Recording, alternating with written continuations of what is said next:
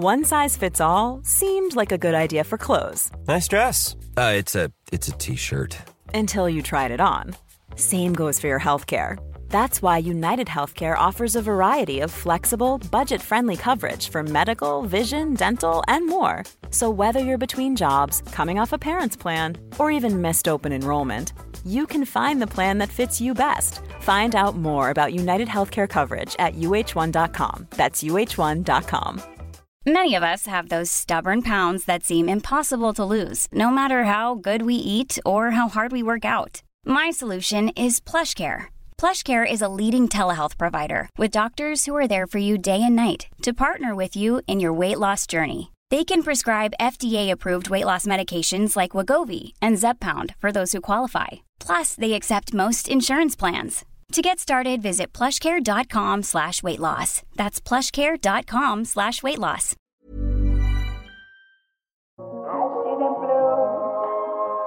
For me and you, and I think to myself, what a wonderful world. Jeg føler litt at gjengen er samla. Jeg, får- jeg får en sånn eh, god følelse av det. Så det, det, er, det er hyggelig, Jon Arne. Velkommen tilbake til Gode dager, som det nå heter. Hva syns du om det nye navnet? Nei, Det er ikke sjokkerende og overraskende at navnet sitter. Det, når du har pølsa med deg, da er det jo et perfekt navn for en podkast, syns jeg. Ja, det er og, nei, jeg liker det veldig godt. Ja, Nei, det er godt. det er godt. Nei, vi, vi, føler, vi har jo vært gjennom en del navn. Vi føler nå, nå, nå, nå kan vi ikke bytte. Så måtte, uansett hva du hadde sagt, så hadde vi måttet eh, beholde det. Eh, Men det har vært, du har fulgt med du, og Arne, at vi har jo vært, vi har smelt med leppa. Eller Øystein har slengt med leppa. Eh, Vi har jo tatt tak i eh, debatten om spiseforstyrrelser i idretten. Eh, eh, Og det har blitt litt resultater, kan vi ikke si det, Øystein? Jo, også det vil jeg jo absolutt si. Altså, ehm, jeg fikk jo først en, melding av Emil Iversen når han var på vei til samling, så hadde stoppa på Oppdal, eh, hvor han da sendte meg en eh, MMS med bilde av disse bollene, som han senere la ut på Instagram, hvor han spurte sånn Seriøst, mener du at jeg er dårlig til å prate om mat? Så sa jeg ikke nødvendigvis dårlig, men jeg syns du kunne gjort det mer. Vi trenger de aller største stjernene på banen, og det var jo det vi sa, at eh, sunn idrett, det er veldig bra, men ah, jeg tror Emil Iversen og Klæbo og sånn øh, øh, når øh, lenger. Og nå har de kommet på banen. Emil Iversen, Hans Christer Holund. Og jeg går jo rundt og venter på neste, for det er jo fortsatt noen elefanter i rommet her, er det ikke det? Absolutt, da, men vi, vi, vi må passe på å si det at det her er jo ikke en slags sånn det er jo ikke en sånn at man prøver å sette opp, opp en sånn gapestokk hvor folk nå må dere inn, og hvis de som ikke kommer inn og sier noe, de skal vi ta. Sånn. Det, det er bare at, for det, det må jo komme fra rett sted, og sånn, men, men det er kult at de eh, er såpass åpne at de tar utfordringen. Og, og det virker liksom som, sånn som Emil Iversen reagerte, så virker det kanskje som at ikke han har tenkt på det. rett og slett. Da. Bare sånn, dette har jeg ikke, den, Det at dere, at vi snakker om det, og at debatten tas, det gjør at han blir bevisst på at hm, jeg har faktisk en, en makt og en innflytelse på den yngre generasjonen som jeg kanskje ikke har vært bevisst nok. Kanskje jeg må tenke litt mer på hva jeg sier og hvordan jeg uttaler meg, og kanskje jeg må vise fram den siden av idretten som han, gjorde i innlegget. Da. Og jeg syns HC sitt innlegg kanskje var enda skarpere og enda mer avslørende. Han liksom, for han hadde jo, de som kjenner historien hans, så har jo han hatt litt, eh, noen utfordringer. Han har jo ikke bare gått rett til toppen uten noe friksjon.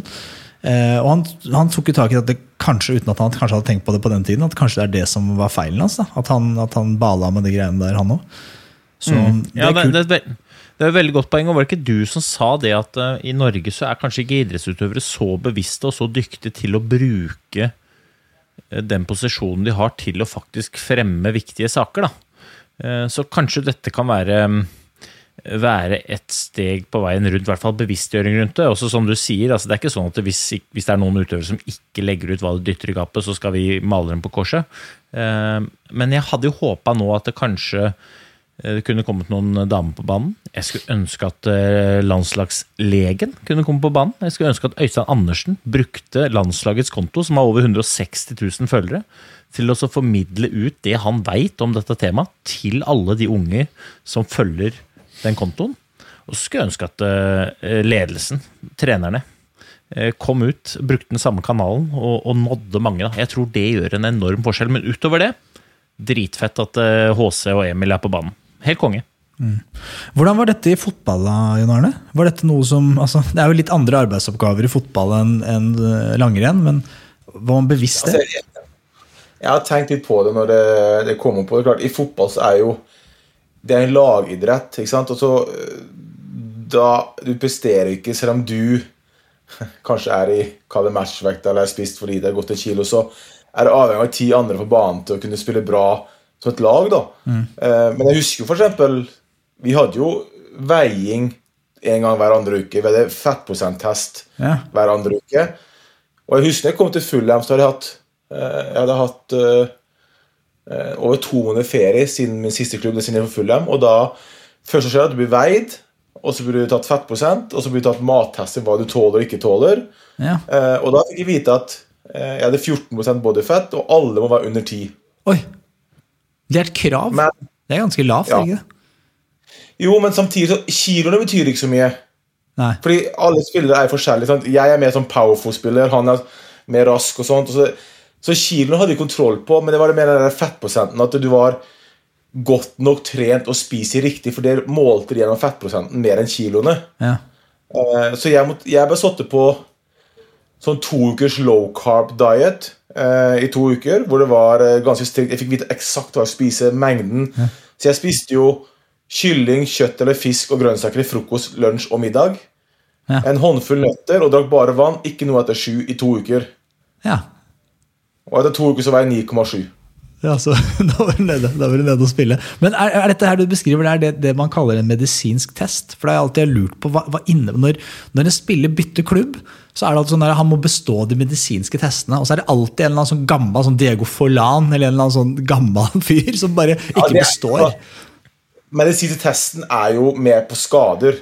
Ja, okay. uh, om du er i dårlig form eller har høy fettprosent, er ikke grunnen til at du ikke består en Jon Arne Riise var for feit til å bli med i Fulham. Men det er jo klart, det, stiller jo krav Det var en trener som sa til meg at Si du veier 85 kilo, da, og så plusser du 88. Det er 3 kilo Ja. for mye. Det er seks pakker med smør nå. ja, ja. Hvis du tenker som fotballspiller, skal løpe fort sånn, så du sånn Hvis du går ned i 3 kilo Og det er ikke snakk om å gå ned for å bli tynnere, bare det var matchvekta mi for kanskje to måneder siden, mens nå er jeg plutselig gått 3 kilo opp, og det, det kan være muskler. Men hvis det har gått opp, og fettprosenten har gått opp, så skjønner jeg at det er ikke muskler. Nei, Og jeg kjenner deg så godt, Jon Arne, at jeg vet at det er ikke seks pakker med smør. For at du hadde ikke kjøleskap, du bodde på hotell, du. Og du hadde de små smørpakkene. Det er altså så mange smørpakker, det. For det er de der små, vet du. ja, de små ja. Nei, så vi, så 600 vi- vi- smørpakker. Vi i fotballen følte ikke på eh, Eller vi følte på å spise sunt, men det var mer for at du kunne prestere best mulig. Og jo dårligere form du var i, jo mindre sjanse var for å spille. Ja. Men uh, mens, i, mens i langrenn og, og andre in, sånne individuelle idretter, så, så Jeg ser langrenn da Hvor mange har det landslag, på landslaget? da? Det er åtte mann eller noe sånt. ikke sant? Eller tolv. Folk er desperate og gjør akkurat det riktige for seg for å bli tynnest mulig, lettest mulig og best mulig til å komme på landslaget. Mens i fotball er det helt andre kriterier. Og det, eh, men jeg har hørt om eh, Om ikke spiseforstyrrelser, men at eh, Jeg husker i Monaco da jeg var 18 år og skulle ha veiing, så husker jeg tok et varmt bad før, dagen før veiing. ja. Det var kokende varmt badekar. La det nedi, lå 20 minutter opp. Veide det, ikke godt nok ned, ikke inn og tok nytt bad. Og jeg var 18 år, for jeg, jeg ville ikke gå opp i vekt. Men, men ikke Men det var ikke ned at det skulle være syltynn, men det var sånn Min matchvekt var den kiloen. ja. De sa til meg. Ja, ikke sant? For det var bare informasjon. For jeg tror fettprosent er jo at det var jo Petter Skinstad også inne det er jo Begrepet tynn er jo et veldig diffust begrep. Hva innebærer tynn? Altså, det kan jo være hva som helst. Men fettprosent er et veldig, veldig presist begrep. da. Men, men i fotball jeg vil tro at for har jo, Vi har fått noen mailer og noen hyggelige meldinger og mailer fra folk da, som er engasjerte. Det er jo dritstas. Og, og noen av de jo, mener jo litt at liksom Eller jeg får et sånn inntrykk at de kanskje mener at liksom langrennssporten får litt u, urettmessig mye pepper da, for at dette er et sånt langrennsproblem, og at man skremmer og Nå har jo du vært veldig opptatt av å si det, at langrenn er sjelsunt og alle altså, bedre enn det meste annet et barn og en ung person kan drive med. Men, eh, men dette er jo et samfunnsproblem. Det er jo litt det som er moralen der. Og, jeg tror jo fotball altså Når jeg har sett de der kritthvite tennene til han der på Liverpool hva heter han der, eh, så, så, altså, så det skjønnhetspresset, da. Og, og jeg antar at som fotballspiller, vet ikke, var det noe dere opplevde? Dere måtte liksom se ut på en viss måte. Og når du i toppformen, Arne, du, jo, du kunne jo vaske hele klesskapet du bare på nedpå Altså, det, det, det, det jeg kan si I Liverpool så var vel jeg en av de få som var i gymmen. Ja. Fordi øh, Og jeg signerte for Roma også. Og når vi hadde med, sånn fysisk tester med løfting og sånne ting De andre gutta, Totti og de gutta der, hadde aldri vært i gymmen, nesten. Nei. Fordi de, de ser Jeg trengte styrke for å bli, til å bli sterkere, og, og, og sånne ting, men også for å se bra ut. Ja, ikke sant. Ikke sant? Der ser du. Der ser du. Og det jolleriet har jo bare blitt verre. Nå, nå er, det jo en forskjell, Jeg tror det er sånn generasjonsskifte. Er sånne Robbie Fowler og de gamle gutta. Jeg tror ikke, han, han tok seg heller en øl på puben enn en ekstra runde på, på gymmen for å løfte vekter. Altså, det tror jeg. Men, men ser på de i dag, så føler jeg på en måte at de er så store og sterke alle sammen. Men vi snakker altså oss bort fra det vi egentlig vil snakke med deg om, Jon Arne. Fordi eh, de, vi, spiseforstyrrelser lar vi ligge lite grann. Vi må eh, snakke om, eh, om eh, noe som er minst like viktig. Eh, og det er sånn, vi, vi har deg på besøk, så er jo du en mann som har eh, altså, Du har jo opplevd eh, mer suksess enn en gjennomsnittlig europeisk nasjon, bare på egen hånd. Men du er også, ja, men, det, jo, men det, er jo, det er jo faktisk litt sant, da. Men, men du, du er også bevis på at selv de beste kan oppleve motgang. Så det vi vil snakke om i denne episoden, her, det er motgang. Og så har vi lyst til å tørste litt innpå janteloven. Hvis du er med oss på det. Det er jo litt sånne eh, store begreper. Men, men la oss liksom ta motgang først. Ehm, eh, Du har jo hatt litt motgang i det siste. Liksom det var Korona kom, det har jo alle vært eh, berørt av. Og så på slutten av korona så kommer det ut at du, du skulle skille deg, og du er jo nå skilt. Hva, hvordan, hvordan har du liksom håndtert det? det, det som er Det er ulike former for motgang. da. Det er eh, idrettsrelatert eh, motgang, hvor du føler du har kontroll på fordi det går på prestasjoner og at du har vært for dårlig eller for et eller annet sånt. Og så er det med private som du ikke alltid vet hvor du skal takle. Mm. og hvor du skal snu ut noe positivt. Jeg er jo ganske god på å snu noe negativt noe positivt. eh, og har vært i karrieren min, men eh, når det kommer privatting, og det som er en privatting, er at folk har så mye meninger uten å vite. Eh, og når du da leser hva folk skriver og synser og sanser og om ditt privatliv og, og sånt, og så Du vil jo helst ikke det, men du må, vi måtte jo gå ut med det først, så vi kunne styre hva som kom ut. Hvis ikke så ville jo ryktene gå. Da kan folk skrive hva de vil, og det er det som er tøft. Men eh, eh, jeg foretrekker å ha idrettsrelaterte ting som er motgang, enn private. På de sånn. Eh, Kan jeg spørre deg om et eh, spørsmål som er litt sånn Det er på en måte helt på andre siden, da, men suksess, da. Hvordan definerer du suksess? Hva er suksess? Tenker du da på idrett, eller? På, altså i Jeg sporten? tenker generelt. Hva, hva, Suksess- hva, vil, hva vil du si er, å altså- lykkes? Altså, suksess for meg var å oppnå de drømmene jeg satt da jeg var yngre. Eh, som for eksempel Det å spille på landslaget, bli proff, det var suksess for meg fordi jeg klarte det. Var, det var mine mål da jeg var yngre, å bli der. Eh, privat så har det vært hele tida å stifte familie, ha barn og leve liksom som en familie. Eh, så, og der kan jeg si at jeg har vært en fullstendig katastrofe eh, på det. Når du har vært gift tre ganger og skilt tre ganger og har fire barn som, så, så, så suksess for meg er at jeg personlig har mine mål som jeg har trent hele livet for, og oppnådd ri, Da er det suksess. Og jeg baserer ikke suksess på hva laget mitt har gjort, eller eh, noe sånt. Det er min egen eh, suksess jeg tenker mest på. Men eh, når du da opplever motgang på privaten nå, da Tenker du da på suksessen som fotballspiller, eller ikke? Altså, jeg Når jeg var aktiv, så var jeg fryktelig egoistisk. Da tenker jeg på det at jeg var i en boble. Så når jeg opplevde Jeg opplevde to brudd mens jeg var aktiv. Eh, og da brukte jo fotballen til å koble av. Fordi det var kamper hver tredje dag. Og trening, så bruddet ble liksom sånn så fort glemt, på en måte, fordi jeg hadde min hverdag, var så egoistisk til å gjøre mine ting og, og prestere på høyt nivå. fordi presterer du dårlig to kamper, så kan du være ferdig i klubben din. Så jeg var så egoistisk inni bobla. Mens nå eh, Det brudd nå er tyngre fordi jeg er ikke aktiv lenger. Jeg har en normal hverdag med henting i barnehage, levere i barnehage. Alt som vanlige folk. Og da merker jeg heller hvor vanskelig da, det kan være. Eh, men du er jo den samme gutten. Altså, eh, du har jo de samme resultatene i, i bånn. Eh, Ja, men jeg føler meg, jeg føler meg mislykka fordi jeg ikke har klart å fullføre hva jeg hadde lyst til å Hvordan jeg har lyst til å leve livet mitt. da. Eh, Men samtidig så Man vokser jo Man blir jo voksen, og man vokser fra hverandre, med hverandre, mot hverandre. Det, det, det vet man ikke. Men så selv om vi har de samme resultatene og trofeene, så eh, føler jeg nå at Ikke at jeg, jeg er ikke mislykka, men eh, noen, et viktig mål for meg sånn på privaten ikke nås, da. Eh, og det er skuffende. Kan, Dette kan være et vondt spørsmål, men hvis du skulle valgt suksess som fotballspiller eller fortsatt vært gift? Med, med følelsen av lykke der, da.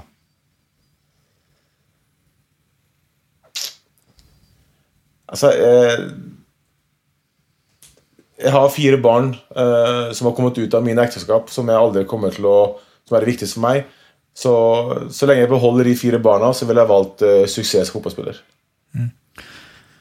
Eh, En ting jeg ofte har tenkt på eh, når man eh, ser eh, sånne enere eh, som du var i din idrett, når de blir ferdig med karrieren, så kan det virke for meg som at det er et lite sånn tomrom. Da. For de har vært vant til å få en sånn anerkjennelse daglig på at de er, du er best. Du er på landslaget, er resultater, er Champions League, det er titler, det er alt mulig. Plutselig en dag stopper det. Og Har det vært en sånn utløsende faktor? Hvorfor, er, er, du, måte, er du vanskelig å leve med pga. det, eller hva er det du erstatter den rusen med? på et vis? Jeg tror at det, det, er to, det er en forskjell på om du klarer å bestemme sjøl når du legger opp, eller om du legger opp pga. skade eller andre ting. Jeg tror det er Jeg la opp fordi jeg ville det sjøl, og da hadde jeg en plan bak det. Mens hvis folk blir skada og må legge opp, så blir, kommer det seg sjokk, og det tror jeg er verre å oppleve, fordi da har du ingen plan bak hva skal du gjøre nå. Så, så jeg erstatta jo rusen kan dere, med f.eks. BM Bank. Ikke sant? Konkurranse, noe å gjøre på og være busy med. Eh, og så erstatta jeg med å bli trener. Ikke sant? Fordi da får jeg samme suget. ikke? Eh, vinnermentaliteten, hater å tape, pusher gutta. Så eh, jeg føler at jeg får brukt det i hverdagen. Jeg, har, jeg håper Jeg er sikker at det er lett å leve med, men jeg håper ikke at fordi jeg slutta, at jeg er verre å leve med. Eh, jeg, ehm, altså Jon Arne han refererer til BM BN-bank, da, og det er da et, et skilag som jeg starta sammen med noen gode venner av meg. Og så hadde vi blant annet Jon Arne inne der. Og, og du var jo med mye, Jon Arne. Og jeg opplevde jo da eh, Eller jeg ble jo kjent med deg, da. Eh, Og det jeg reflekterte rundt eh, gjennom det året, var at jeg merka hvor mye du savna å være den derre Være en sånn gjeng, da. Altså, jeg, jeg Ja. opplevde liksom at du, du savna den derre Jeg vet ikke, jeg kan, har jo ikke noe rett til å kalle det for garderobestemninga, liksom, men den derre Det at man er en gjeng som stikker og så gjør noe sammen og prøver å prestere samtidig som man har det gøy, da. Um, og, Ja, det å vinne og tape sammen, det er liksom det å, å, å gjøre klart en kamp. Ja, og jeg husker, jeg husker jeg reflekterte over at jeg ikke måtte ta det for gitt. Akkurat den stemninga, sånn at den dagen jeg skulle gi meg, ikke skulle savne det. Fordi at eh, jeg, jeg opplevde det så sånn veldig så sterkt at dette syns du hadde vært et tomrom. da. Du sa det aldri, men jeg følte det på kroppen at dette hadde du savna. Ja, men jeg, jeg følte jo når Når du tok kontakt med meg, og, og, og vi var på turer sammen, og sammen i Kragerø og på sånn, og når vi delte rom og sånt, og du vet den dansen du hadde, og bla, bla ikke?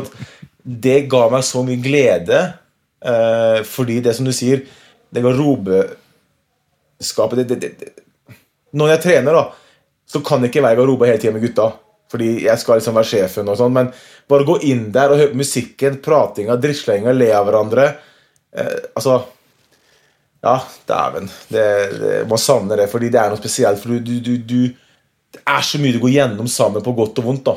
Eh, som bare vi i garderoba vet om og kan føle på. Et, er forsvant. et spørsmål i forhold til eh, liksom, Hvor mye av det du lærte som idrettsutøver, bruker du nå, da, når du har møtt litt motstand og motgang på, på hjemmebane, og møter liksom tøff, tøffe ting? Hvor mye av det du lærte på idretten, bruker du i privaten? Det eneste, altså det viktigste er at livet går videre. Det gjør fotballen også. Altså Du hadde en dårlig kamp, det kommer en kamp til. Eh, og det å oppleve motgang nå som jeg har gjort Nå er det jo syv måneder siden, da, men eh, så, så vet jeg at uansett hvor tøft det er, og hvor, uansett hvor vanskelig det er, så, så blir det bedre. Det blir bra framme der. Det er bare opp til hvor fort det går. Det er opp til deg sjøl om du eh, er sosial med andre. Men jeg liker å være sårbar også. Jeg liker å føle Ikke mislykka, men føle at Jo, kanskje at jeg, gjorde, at, at jeg ikke lykkes, da. Jeg liker å føle meg sårbar. Fordi da kan jeg bygge meg opp igjen til å føle meg uovervinnelig igjen. Så den følelsen med å føle seg langt nede og skikkelig på bånn, sånn på privaten eller hva det måtte være, er sitte hjemme og gråte for deg sjøl fordi du ser på TV og hører på love songs eller hva pokker det er. Det er ganske kjipt, men samtidig så er det dritdigg også. Fordi da tenker du så mye ting og tenker Vet du hva? Jeg har det faktisk ganske bra likevel. Og så begynner jeg å bygge meg opp igjen. Så jeg liker å trykke meg sjøl rett ned i grøfta, og så eh, bygge opp igjen til å Men da trenger jeg mål. Jeg må ha mål og mening med det. Jeg må ha noe å se fram til. Eh, noe å jobbe mot. Og det, det, er, det bruker idretten til, og, og andre ting. Vet du, altså, eh, Her om dagen så tenkte jeg på det når jeg var i Coop-butikken og raska med meg et av våre favorittkaffebønner, ikke sant? Kenyasen. At det, Yes.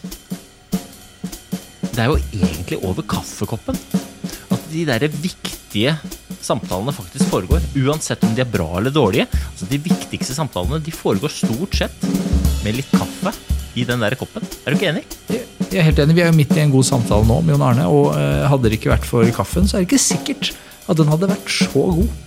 Nei. Men tror, du, tror du den hadde blitt dårligere hvis du hadde bytta til Colombia? Jeg frykter det. Eh, Men det er jo sånn at det er et nytt år. eh, Nye bønner. eh, Det er råvare. eh, Og, og man skal ikke se bort fra at Colombia-kaffen i år smaker annerledes enn i fjor. Så jeg tror jaggu meg vi må smake oss gjennom på nytt. Ja. Vi tar en tur, vi. Det er greit. det.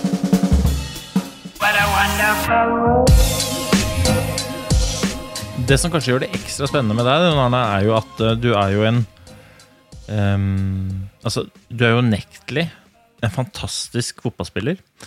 Eh, og i norsk målestokk så er det jo eh, den mest meritterte. Men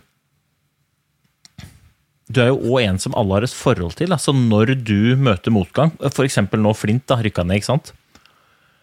så, så får jo du på en måte i tillegg til den motgangen der, isolert sett, så får jo du ganske mye sånn personlig motstand. Da. Altså da renner innboksen over seg over av folk som har et merkelig behov for å ytre liksom at det, Ja, det var, det var typisk Jon Arne, eller det var typisk Det er jo ikke typisk Jon Arne, for du har jo vunnet Champions League, så liksom alle som ikke har vunnet det, kan jo må jo spørre seg selv hva som, hva som egentlig er greia di. Men, men hvordan, hvordan påvirker det? Altså, jeg har vært gjennom mye siste, eller de 20 åra som aktiv, sånne men jeg skal innrømme at de siste to ukene har vært ganske tøffe, fordi jeg ser meg sjøl som et, et veldig snilt menneske som vil alt godt til alle, alle rundt meg og gi mye av meg sjøl.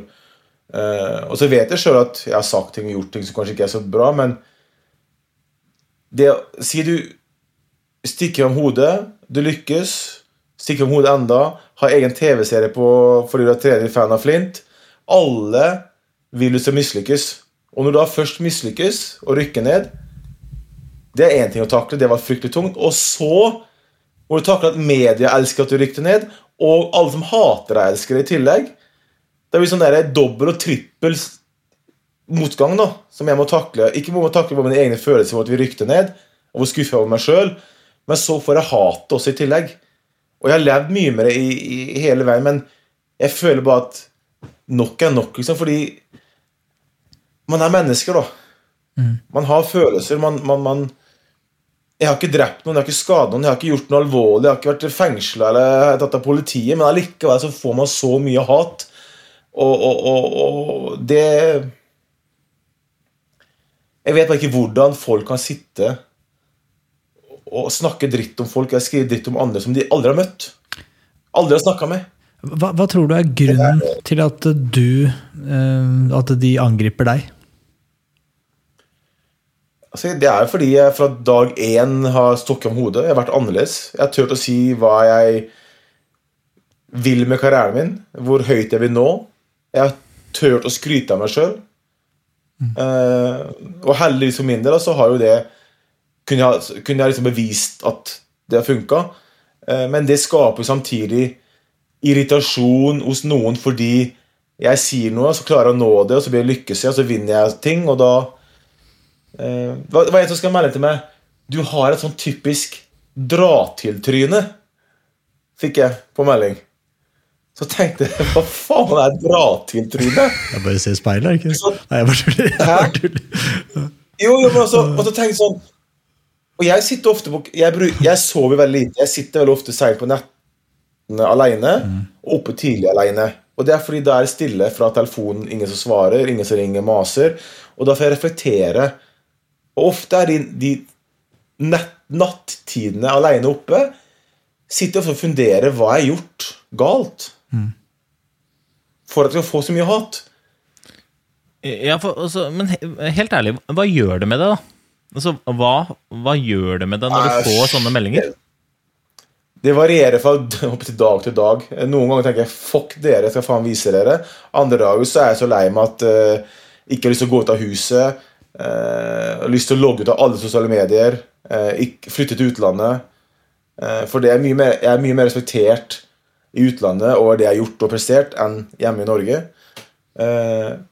Så det, det varierer veldig, men det er jo klart, jeg blir utrolig jeg merker nå når jeg ikke har fotballen å gjemme meg bak, da, på en måte, altså øh, gå i sonen og bare spille kamper, trene, være med gutta, så har jeg mye mer tid til å tenke over ting. Og da merker jeg at jeg blir jo veldig, jeg blir jo veldig lei meg. Veldig sårbar og veldig sånn Vurdere hva jeg har gjort galt i hverdagen i de siste 20 år for at jeg skal få så mye hat. Um, så det Men så neste morgen kan jeg våkne opp og bare Ok, game on. Men, men vil du karakterisere det som mobbing? Er det mobbing? Jeg mener det. Og én ting er jo Jon Arne Riise, som er for det første er det voksen, for det andre så har du jo levd et liv i rampelyset, og du vet jo, eh, og det vet jo jeg også, at hvis du er i rampelyset, så enten du vil eller ikke, så har folk en mening om det. Mm. Men det finnes jo mange der ute som ikke er i rampelyset, men som også opplever mening, og som ikke kanskje har så stor Jeg skal ikke si at det er noe lett Jeg vil si det er litt lettere for deg å takle det enn det er for de som eh, ikke har den der erfaringa i, i, i ryggsekken. Da. Men hva vil du si til de som, som driver med mobbing, da? Altså, jeg Uff, Jeg skal være forsiktig her, men Nei, jeg jeg mener jo Hvorfor skal du være forsiktig? For jeg må formulere det riktig. Jeg mener jo at f.eks. media er med på å starte mobbing.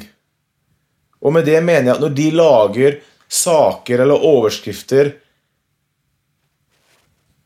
så tror jeg ikke de tenker over hvilke konsekvenser det har. For hvis, hvis et medie skriver noe om meg som noe negativt, og kanskje noe som man kan oppfatte som feil, eller hva det er, så hopper jo de som leser det, på og kommenterer på mine sosiale medier hvor dum, teit, drittsekk og whatever jeg er for noe.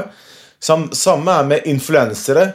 Skal ikke nevne navn, men det er jo folk som liker å legge ut ting på Instagram eller Facebook eller hva det er, om andre influensere og driter ut. Hva gjør det? Jo, deres 100 200 400 000 følgere går inn på personen de da legger ut om, og skriver dritt til den personen. Og det er jo mobbing i mine øyne, fordi de er med på å skape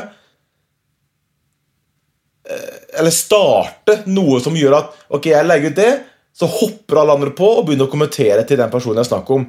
Og det er også media. Jeg, jeg sier ikke at man, ikke skrive, man skal, kan godt skrive negative saker om meg så lenge det er saklig og om det jeg driver med. Men jeg føler jo noe at noen ganger at folk bare vil skrive Sånn som når Flint rykker ned. Riise rykker ned. Det er ikke Flint som rykker ned. Det er Riise som rykker ned. Altså, Riise-navnet er alltid nevnt. Eh, Så jeg mener at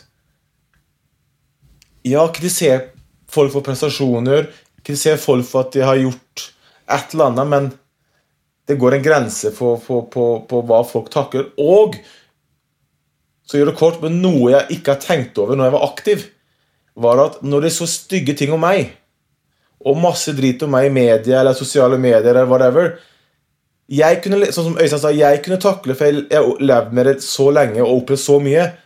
Men det jeg ikke tenkte på når jeg var aktiv Jeg har barn, jeg har en mamma, jeg har en pappa, jeg har en bror, jeg har to søstre, jeg har tante og onkler. Hva med de? Som da kom på jobb, på skole, eller hvor det er, hvor folk bare slenger dritt om meg til dem. Ja, det husker Fordi du de Hæ? Jeg husker du nevnte det flere ganger. At du Ja, og, og da liksom sånn og det ga sånn, Jeg har en datter på 21 år som da gikk på barne- og ungdomsskolen i min karriere. Hvor mye dritt hun fikk på skolen av andre elever pga. meg. Men det tenker ikke, journalisten tenker ikke på det. At det han skriver nå, at det påvirker folk også rundt meg.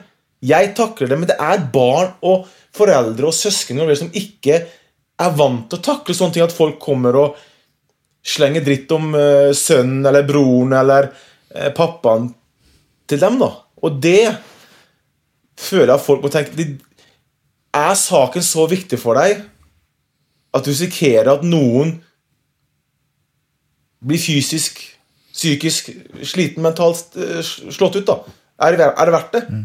jeg syns du var ganske sylskarp på det innlegget du la ut eh, på sosiale medier, både Instagram og Facebook, som jeg så, da. Um, hvor du liksom stilte spørsmål hva er det som gjør at folk står opp om morgenen og har lyst til å gjøre eller si noe drit mot andre. Ja, altså, Og det syns jeg er et fint spørsmål å tenke seg, for det er jo ingen som i bunn og grunn har lyst til det, men allikevel så er det mange der ute som mobber. Hva tror du er grunnen til det, liksom? Hva er det som er grunnen til at jeg, noen jeg, sitter, jeg sitter og tenker meg selv at Hvis det er noen jeg ikke liker, eller av en eller annen grunn og ikke heier på, eller et eller annet, så da blar jeg videre, da.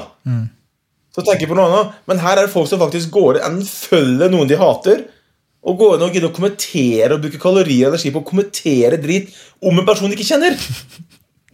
Og da tenker jeg sånn Ja, vi nevnte ja, janteloven. Men du kan ikke bare se på janteloven. Det er oppdragelsen som er spørsmålet. Det er som, hvordan har du blitt oppdratt av om det er foreldre, hva det er, eller Hva er greia? Altså, Hadde jeg ikke likt Øystein Pettersen fordi For whatever reason, uten å kjenne han, da At jeg skal gidde å gå inn Nei, følge pølsa, jeg må finne den på Instagram, følge den, så går jeg på bildene og så kommenterer jeg dritt av han. Yes, da er dagens mål nådd. Hvem gjør sånt, liksom? Hva er vitsen?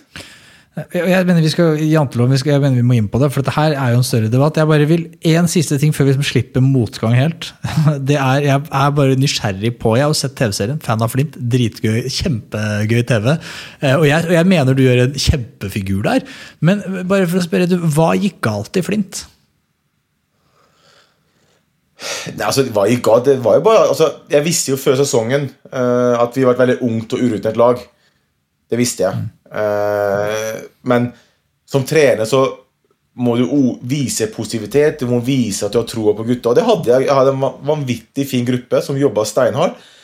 Men vi var for dårlige i begge boksene. Vi var for dårlige å forsvare målene våre, og vi skåra på sjansene vi fikk. Mm. Eh, Og når du har halv serie som vi hadde i år, da, da, da blir du straffa. Og jeg tror rutinen hadde mye å si.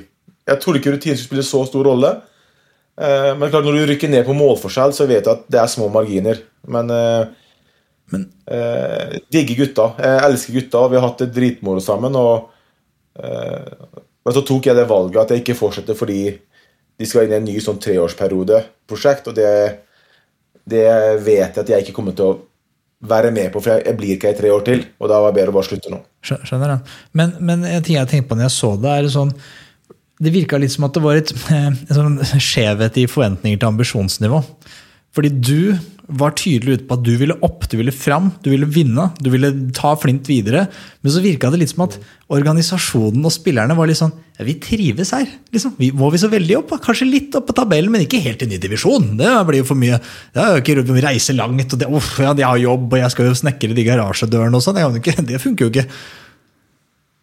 Du treffer ganske blink der nå. Det er, det er nesten farlig bra sagt av deg. Um, altså, jeg er en vinner. Hater å tape. Og, og, og jeg kom til Flint for å, for å, for å for selvfølgelig bli bedre trener sjøl, men også gjøre noe med laget. Men det er klart, det tok meg et år, heldigvis, eller heldigvis Korona redda meg fordi forventningsnivået jeg hadde da jeg signerte, var mye høyere enn det det var. For jeg har aldri vært i breddefotballen før. Men det er klart, jeg finner fort ut, og det tok lang tid å bli vant til det, lang tid å kunne akseptere det, at spillere kom ikke på trening fordi de hadde familieselskap. Eller spillere kom ikke på trening fordi eh, en kompis fra militæret kom hjem den helga. Jeg måtte akseptere det, fordi de spiller jo gratis. ikke sant? De er, eh, vi skal være samla. Hvis jeg begynner å bli for streng med det, så mister jeg de. Og jeg- for meg, da som har levd hele livet med profesjonalitet, trene mer enn alle andre og være sånn, så var det ganske vanskelig å akseptere at sånn var det. Tror, tror du at du hadde vanskeligere for å få folk til å komme på trening når det var familieselskap, med tanke på at du har en drøss av skilsmisser bak deg, så argumentene måtte være litt sånn dårlig? At folk ikke kom på trening fordi jeg har skilt meg. Nei, altså hvis det var, hvis det var familieselskap, og så sier liksom ja, så, ja, Da får du bare si at treneren har sagt at du må på, må på trening. Og så liksom Ja, hvem er treneren igjen? Ja, det er han Riise. Hvor mange skilsmisser har han? Ja, ikke sant? Nei, altså det tror jeg ikke. Men eh, altså, jeg, jeg er imponert over gutta mine fordi eh, vi hadde Vi trente hele koronaperioden, og vi hadde aldri mindre enn 17 mann på trening. Så vi var veldig heldige og veldig gode. Men det er klart eh, Jeg husker midt i sesongen nå, så var det en spiller som eh, spurte om han kunne få fri torsdag til, torsdag til mandag for å besøke dama i Bergen. Og vi hadde kamp søndag. Ikke i Og så Bergen. tenkte jeg Ja, du får bare dra, da. Rykker vi vel bare ned. Det verste som skjedde, vi rykker ned. Og du, og han, du prøvde liksom Nei, det liksom var sånn. Og jeg elsker jo gutter men det er klart, når du får sånne spørsmål, tenker du De skulle bare visst hvordan det er den store verden altså, når du skal bli proff. Men eh, Så em, Så nå sa jeg nei, og jeg vil opp til et mer profesjonelt nivå hvor jeg kan bruke min erfaring og hva jeg kan og hva jeg vet om fotball. Og da tenker jeg om det er Obos-liga eller hva det er. Men få den profesjonaliteten hvor jeg vet eksakt hvor mange som kommer på trening.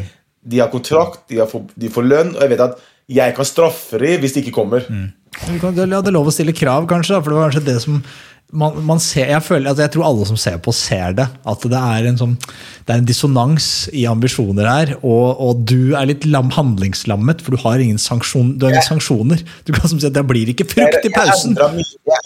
Jeg endra mye, i klubben med profesjonaliteten på den tida jeg var der. Mm. Men de har en lang vei å gå. Ja.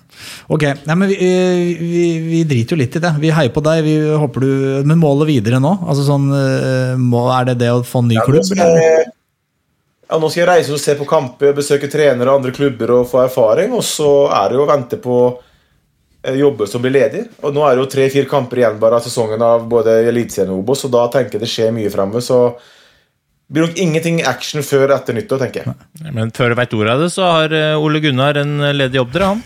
Ja, jeg eh, er langt unna det nivået foreløpig. Ja, Det er vel litt upopulært av mange grunner, akkurat det, da, hvis du, du hadde sneia inn på Trafford. da. Men, men Da blir det hates. Det. Men janteloven jeg, vi, vi, vi, jeg slapp, vi hadde snakka om det. Jeg ville bare liksom, ta raskt Vi hadde runda Flint. Men, men janteloven, det, dette, er, dette er kjempespennende. Og første spørsmålet mitt er Fordi du sa det litt, du sa det vel rett ut i stad. At eh, statusen du har i utlandet, eller liksom posisjonen din og respekten du høster i utlandet, den er, det er noe helt annet enn hva du får her hjemme. Og, og Øystein, du har en historie fra når dere var i Marcialonga, når dere tok med dere Jon Arne ned. Og du tenkte sånn Her kommer pølsa, liksom. Jeg er jo palla i fjor, og nå skal jeg opp og kanskje vinne i år. Ingen brydde seg om pølsa Pedersen.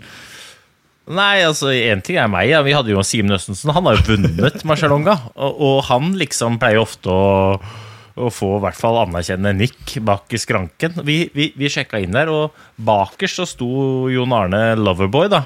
Ikke sant? Med joggebuksa si og, og disse skia og lurte på hva i all verdens eh, land og rike han skulle i gang med nå. Altså, Marcialonga er en fantastisk plass, men det er ikke det, er ikke den mest sentrale plassen i, i Italia. Men han fyren bak disken, han, altså, han kunne ikke brydd seg mindre om meg. Petter Eliassen, som da vant for øvrig det rennet, og Morten Eide Pedersen og Simen Østensen. Han bare Og han heia ikke på Roma engang. Han, han bare Og så så bort på Jon Arne og var helt fra seg. Så eh, det var, eh, mm, det var, det var vondt å oppleve. Altså, jeg, jeg var verdt mindre enn vegglusa. Det var helt Du delte rommet, du delte rommet med meg, da. det gjorde jeg. Det gjorde jeg. Så derfor så fikk jeg liksom litt anerkjennelse, fordi at jeg lå i nærheten av deg. da. Mm. De spurte meg hele tiden om jeg kunne stjele med noen truser og noe greier.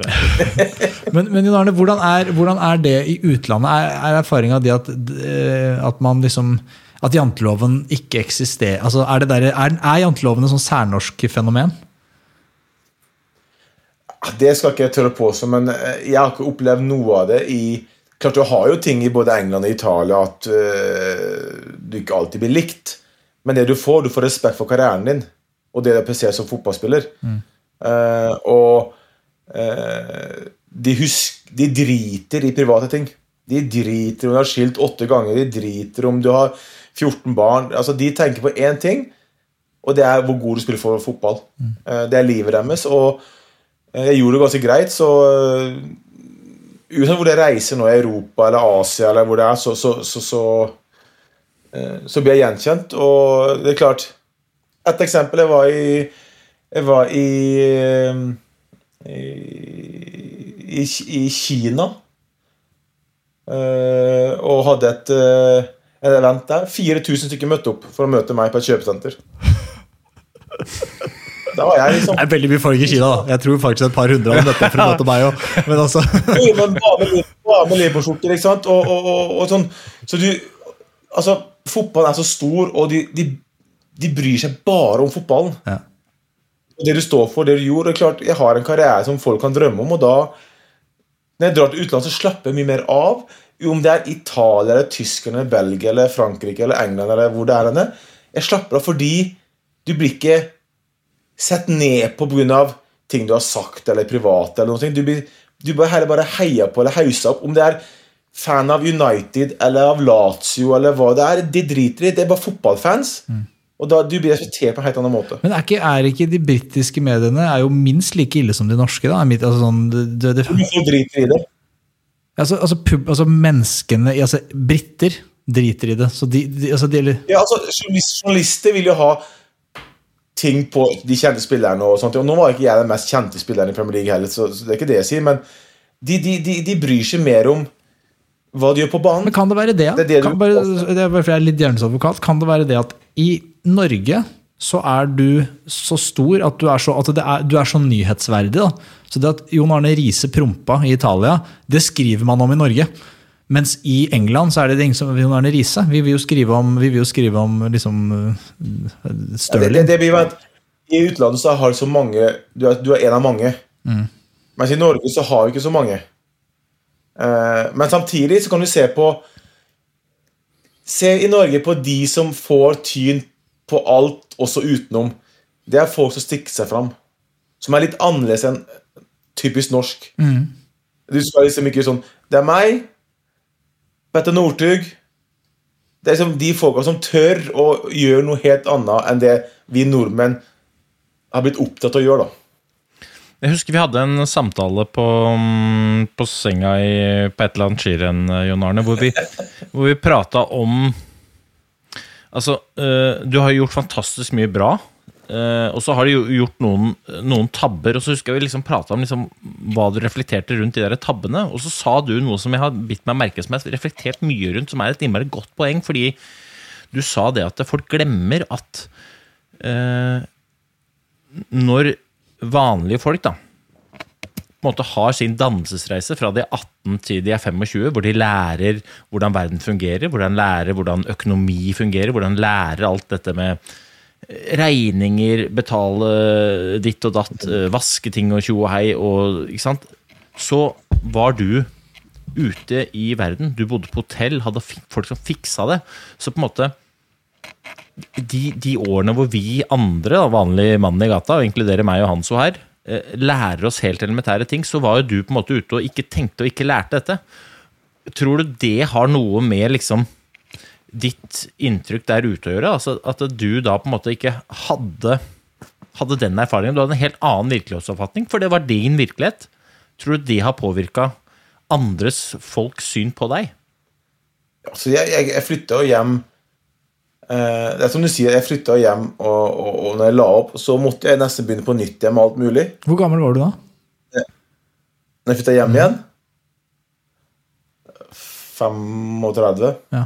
Jeg husker du sa til meg på en samling eh, i Kragerø at du ikke omtrent hadde skåret deg brødskive fra du var 18 til du var 28. Og da tenkte jeg bare sånn Det er helt, det er helt sinnssykt. Altså, dette, du sa til meg at ja, men du må huske pølsa, sa du.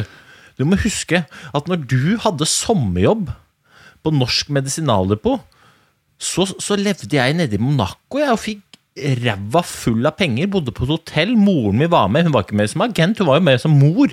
Du har fått kritikk for at den moren din var med som agent, men hun var jo med som mor, som bare passa på sønnen sin. Og rekke opp hånda den mora som ikke hadde fulgt etter guttungen sin når han skulle flytte til et land han ikke kunne språket. Altså, kom igjen! Du fikk mye kritikk for det, liksom, men det du gikk glipp av, var kanskje den derre Ok, greit, her jobber du på Norsk Medisinalbo, så får du denne lille summen, og de må du dele utover et helt år, Øystein. Mens du hadde vært sånn Hei, Jon Arne, du skjønner ikke hva jeg sier, men her er masse grunker. Vi snakkes. Altså, det, var Du må tenke på at laget Når du signerer for en klubb, så gjør de alt for deg. Altså, det eneste du, det eneste du skal fokusere på, er å spille fotball. Så når jeg drar på trening både i Monaco, i Liverpool eller i Roma eneste jeg hadde med, var toalettveska mi. Jeg må bare ta en husk, Husker vi dro til Blinkfestivalen. Altså det er et rulleski rulleskiarrangement. Fantastisk rulleskiarrangement i Sandnes. Jon Arne Riise var med. På flyet over så spurte Jon Arne Vet materialforvalteren hvilken størrelse jeg er. Uh, I klær og sånn. Uh, og, så sa jeg sånn uh, Materialforvalteren, eller hva er det? Ja, nei, til, til det vi skal gå i og sånn i rennet. Og jeg bare sånn Nei, det altså, eh, hvis det er noen materialforvalter, så er det da er det meg og Simen og Morten. Eh, for, og det er det vi går i, det vi fikk i, i mai. Det, er- det er den samme superen. Det er, ja, det er den samme superen, liksom. Det er det samme. Oh, oh, ok. Ja, han, da tenkte Jon Arne at det lå ferdig klart på hotellrommet når vi kom.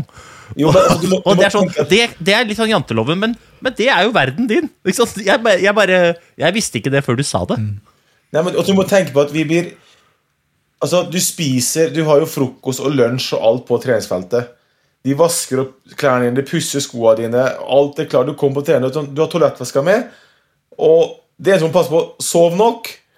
og drikk nok vann, liksom. Og ta med toalettveska på trening. Resten er liksom Jeg husker i Fullham så var det 25 mann i medisinsk støtteapparat. 25 mann i medisinsk I støtteapparat. Åtte fysioer. Ja. Så, I sunn idrett jobber det to, Hanso. ja, men så, så, så, så, representere så. 17 Skal- De skal hjelpe hele landet. Fem millioner mennesker. Sunn idrett er to 25 mann som vasker klærne til Jon Arne i Fulham. Ja, men så fra jeg var 17 til jeg var 35, da, ish, eh, to- 33, så var det folk så, så levde jeg et liv hvor jeg bare fokuserte på én ting prestere. Og så gjorde alt annet med som du sa, regninger, handle, fikse forsikringer, bil, bankkort, mobiltelefon, betale de regningene.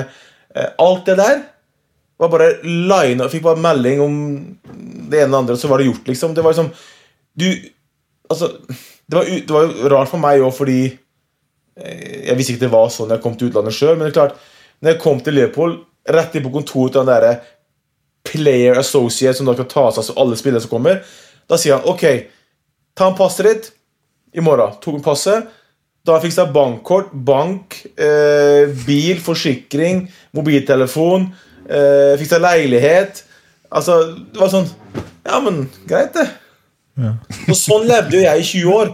Men for å spole tilbake litt til det Og da, og da, og da og flytte hjem igjen da og begynne å Misforstå meg rett, men å leve som, som vanlige folk, da, kall det det, det altså, Alle er alle like, men det var um, rart. Ja, for å spole Banker banker på mobil, liksom, og betale fast på giro og sånt. Jeg har aldri gjort altså, Men, men det For å spole litt tilbake til det vi snakka om i stad. Tror du dette også har vært en um, utløsende faktor for at du har vært skilt tre ganger? og det Har vært vanskelig altså har det vært liksom noe som, har forventningene der fra de som skal bo med deg, vært at liksom, har det vært en mismatch der? At du ikke har vært vant til det å bo med noen i det A4 norske livet med å ha unger i barnehagen, og så skal det skjæres brødskiver, og du står der og skjærer fortsatt de tjukke puckene som jeg skar da jeg var Sant? Så skeive. Nei, altså, jeg tror bare at uh, Jeg har ikke noe fasit for meg. Jeg tror bare at jeg har vært så egoistisk eh, i så mange år. Og de som gifter seg med fotballspillere, vet jo vet hva de går til. Men samtidig så er ikke det alle som klarer å leve med det i mange, mange, mange, mange år.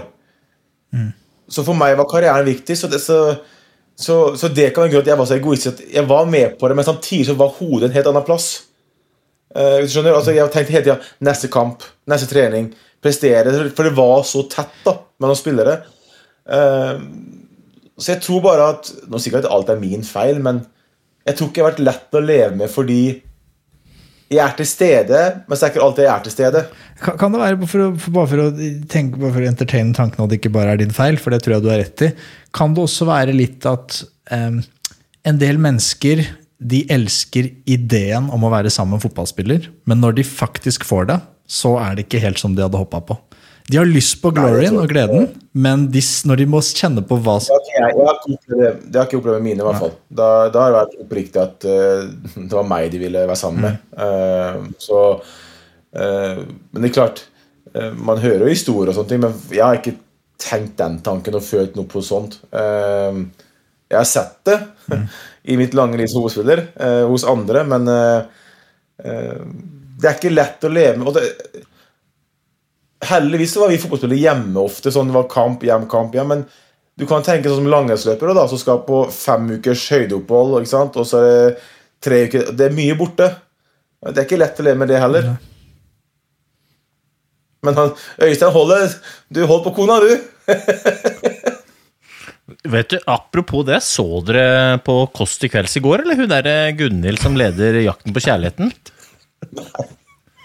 Jo, men helt seriøst. Hun sa jo der at hun hadde hatt mareritt om at typen hennes hadde slått opp. Og så hadde hun da vært på Tinder og fått match med meg. Så tenk tenkte det. Folk har mareritt om å ha match med meg på Tinder. Men det så du la ut nå. Jeg trodde du skulle Det er ikke noe gøy, altså. Det er sånn Jeg bare Å ja! Nei, det var mareritt. Vent litt, du sa Det er ikke så våt drøm, gjorde du ikke det? Nei, faen! Ja. Men eh, Ja, nei, men, men, men du skal i hvert fall vite det, Jon Arne, at um, selv om du er en Eller ja, du er en fantastisk fotballspiller, og du var jo en enda råere en, så dømmer jeg deg mest for den jeg lærte å kjenne. Uh, og det er en innmari fin fyr. Jeg opplever at du er en, uh, en, en, en fyr som aller helst jobber mest for å ikke skuffe noen. Og det tror jeg kanskje har vært ditt problem. da, At du i frykten for å skuffe noen har kjørt over både deg sjæl og de rundt deg i for stor grad. da. Eh, Men eh, jeg, ble, jeg ble oppriktig glad i deg, det skal du vite. Det er derfor jeg inviterer deg til å gå Birken eh, når jeg skal slå deg på slalåmski. Jo, jo, men altså jeg, jeg er veldig opptatt av, og det kommer sikkert av, av mobbing som ung, sånn, men jeg vil jo at alle Eller prøve å få alle til å like meg, selvfølgelig. Eh, men samtidig så er det viktig for meg at alle rundt meg har det bra. Og om det går på bekostning av meg sjøl, så tenker jeg ja, men det kan jeg takle. Uh, men så finner jeg ut at det er greit å ha det bra sjøl også. Ja, ja jeg, jeg, jeg mener jo det er et viktig poeng, da, Jon Arne. At, um, ikke at jeg skal være noen psykolog eller noe annet, men uh, noen ganger så opplever jeg at du tilfredsstiller andre i så stor grad at det kan gå utover deg og dine. Eh, Og det eh, du, du er mer enn god nok som du er til å kunne slutte med det. Da, for at det, er, det er ikke noe vei som eh, som du vil egentlig være på. Men så sliter jeg også med Jeg snakker jo ikke med folk om ting. Nei, for jeg har jo sendt deg noen meldinger når det har blåst litt i motvind, Ja. og da sier du sånn ah, jeg vil egentlig ikke Jeg vil prate om det, men jeg vil ikke prate om det. Så, så, så jeg sier jo mer her nå enn jeg noen gang Fordi sånn som foreldrene mine og søsken og nære venner sånn, de, de blir forbanna på meg fordi jeg åpner meg ikke opp. Jeg liker å ta hånd om mine issues sjøl, ikke blage andre med det. Så ordner det seg. Men det er klart, det, det går det blir jo fylt et beger, så eh, Jeg liker bare at jeg tar med mine ting på min egen måte, og så blir det en ny dag i morgen. Eh, sånn tenker ofte jeg. Eh, Hvis du kunne mm, sagt noe til noen der ute som enten opplever motgang, eller som eh, blir mobba, da, eller som føler på om det er janteloven eller ene andre, er det noe du vil si til de? Er det noe de kan lære av deg? Altså Det jeg alltid har vært opptatt av, er å ha tro på meg sjøl. At jeg er god nok. Uh, det derre Og da, da tenker jeg mest på når det kommer til idrett, selvfølgelig, fordi det er så mye mening og synsing om, om ting, men uh, uh, Ha troa på deg sjøl om, om, om at du er god nok, eh, eller kan bli god nok. Eh, så vil jeg selvfølgelig anbefale å prate med folk rundt. Jeg skjønner jo at det kan være et, eh, en god ting, men jeg er ikke der. Og jeg kommer ikke til å komme dit. Jeg trives best Altså Som jeg sa når, når, når, når, når det ble slutt mellom meg og, og Louise, så sa jeg bare Jeg er en loner. Jeg trives i mitt eget best av å være aleine. Og med det mener jeg at da plager ikke noen andre med mine issues. Og nå sier jeg at jeg har store issues, det er ikke det jeg sier, men jeg har levd hele livet å være så jævlig egoistisk, og da eh, Da er det bedre å bare ta det sjøl, enn å plage andre med det. Så eh, Nei, men jeg vil i hvert fall si at de gangene vi prata, og, og for så vidt den praten her, da, det gir meg mye. Uh, så du plager aldri meg med dine Nei, det vet jeg. Du, du Så du må, du må ikke stoppe med å prate med oss, da. Men det er ikke og, og vi skal jo på tur igjen, ikke sant? så da må du bare Jo, men tingen, tingen er at jeg liker å prate Hvis jeg skal prate med noen For det er bare folk sier 'snakk med psykolog', sier det til meg. Ha noen å snakke med. Så tenker jeg mitt hode, og ikke noe imot psykologer, men jeg tenker sånn Det er ikke mange i Norge som har opplevd så mye som meg, både på positive ting og negative ting. Trøkk fra media, trøkk, og det er ikke mange som har opplevd så mye dritt jeg har fått. Og da tenker jeg i Psykologen jeg snakker med, er ikke i nærheten av å oppleve noe av det jeg har opplevd. Så han kan ikke sitte, han eller hun kan ikke sitte der og si 'gjør sånn, sånn, sånn', for han har ikke peiling på hva jeg har gått gjennom. Sånn tenker jeg. Da er det bedre å snakke med meg sjøl, si, løse seg fordi ingen andre kan si 'jeg vet hvordan du har det', eh, 'jeg har vært gjennom det før', eh, 'du må gjøre sånn, sånn', for ingen har opplevd det. Ingen kan føle på den det trøkket fra media og hatkommentarer og sosiale medier At det ingen, eller få i Norge, kan si de har opplevd det samme som meg der. Og Derfor føler jeg at det er ikke vits i å snakke med noen, fordi ingen av de vet hva de snakker om.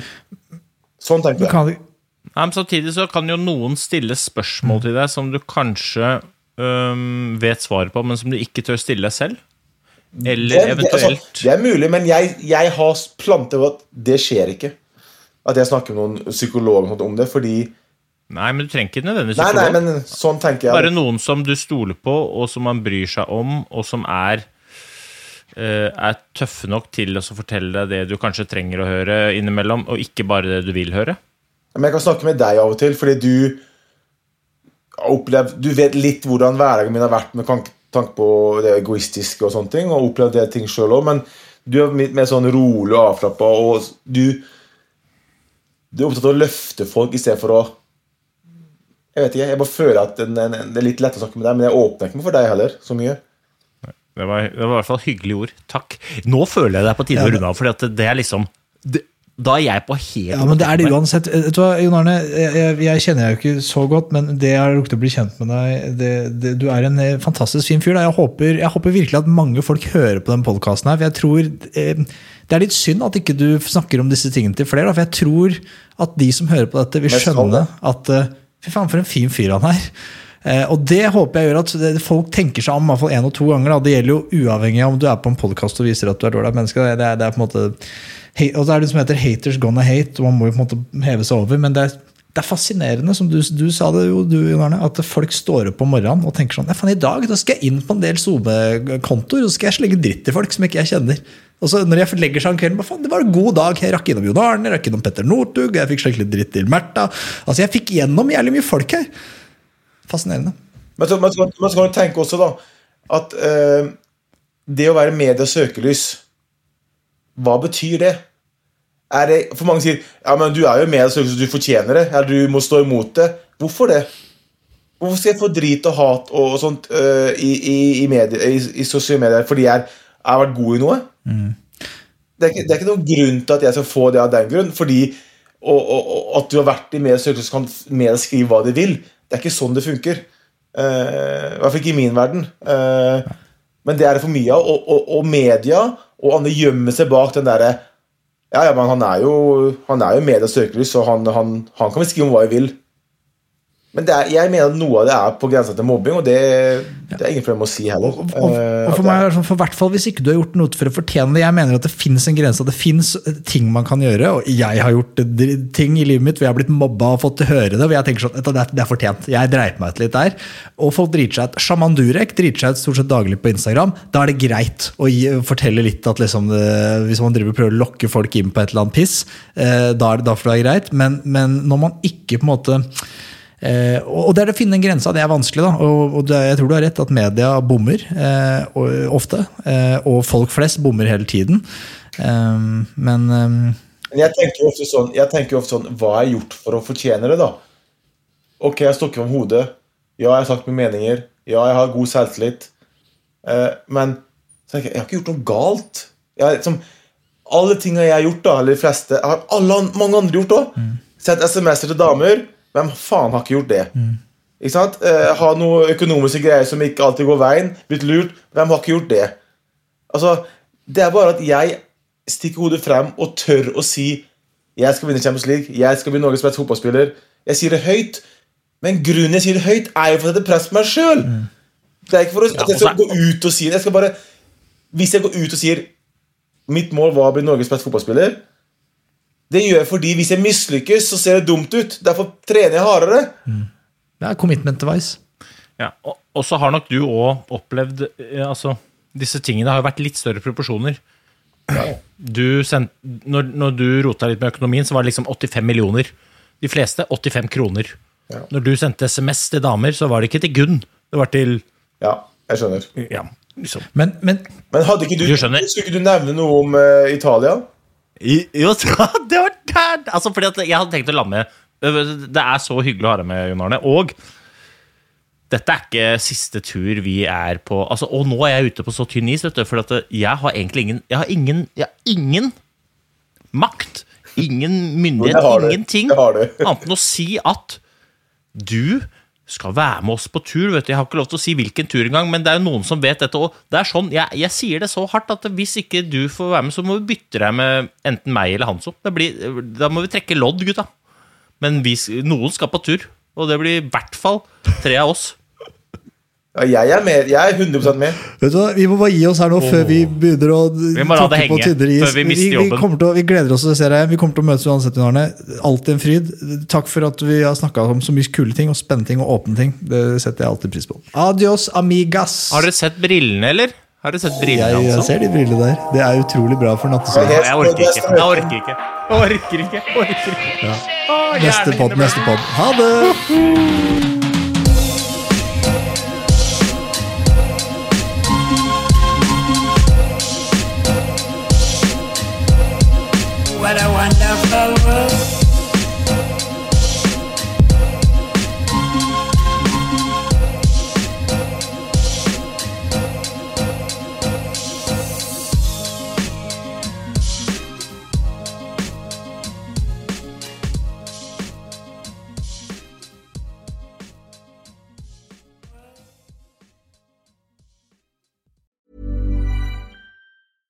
Hey, it's Paige DeSorbo from Giggly Squad. High quality fashion without the price tag. Say hello to Quince.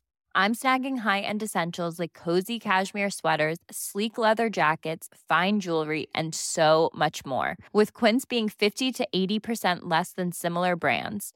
And they partner with factories that prioritize safe, ethical, and responsible manufacturing. I love that. Luxury quality within reach. Go to quince.com slash style to get free shipping and 365 day returns on your next order.